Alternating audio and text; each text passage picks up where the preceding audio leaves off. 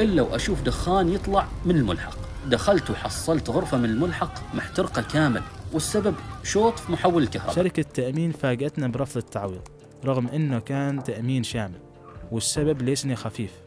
ووزن التنكر أكثر من ستة أطنان. بس بعدين اكتشفت أن عشان تحصل تعويض لازم تملك ليسن ثقيل. تأثرنا كلنا بوفاتها وفقدنا شخص كنا نعتبره جزء من العائلة. أما إذا جيت على وضعنا المادي كعائلة صار جدا سيء للأسف. أجلت تأمين سيارتي كم يوم. هي بس يومين كنت أناظرها كنت أنتظر الراتب. طلعت بالسيارة سويت حادث.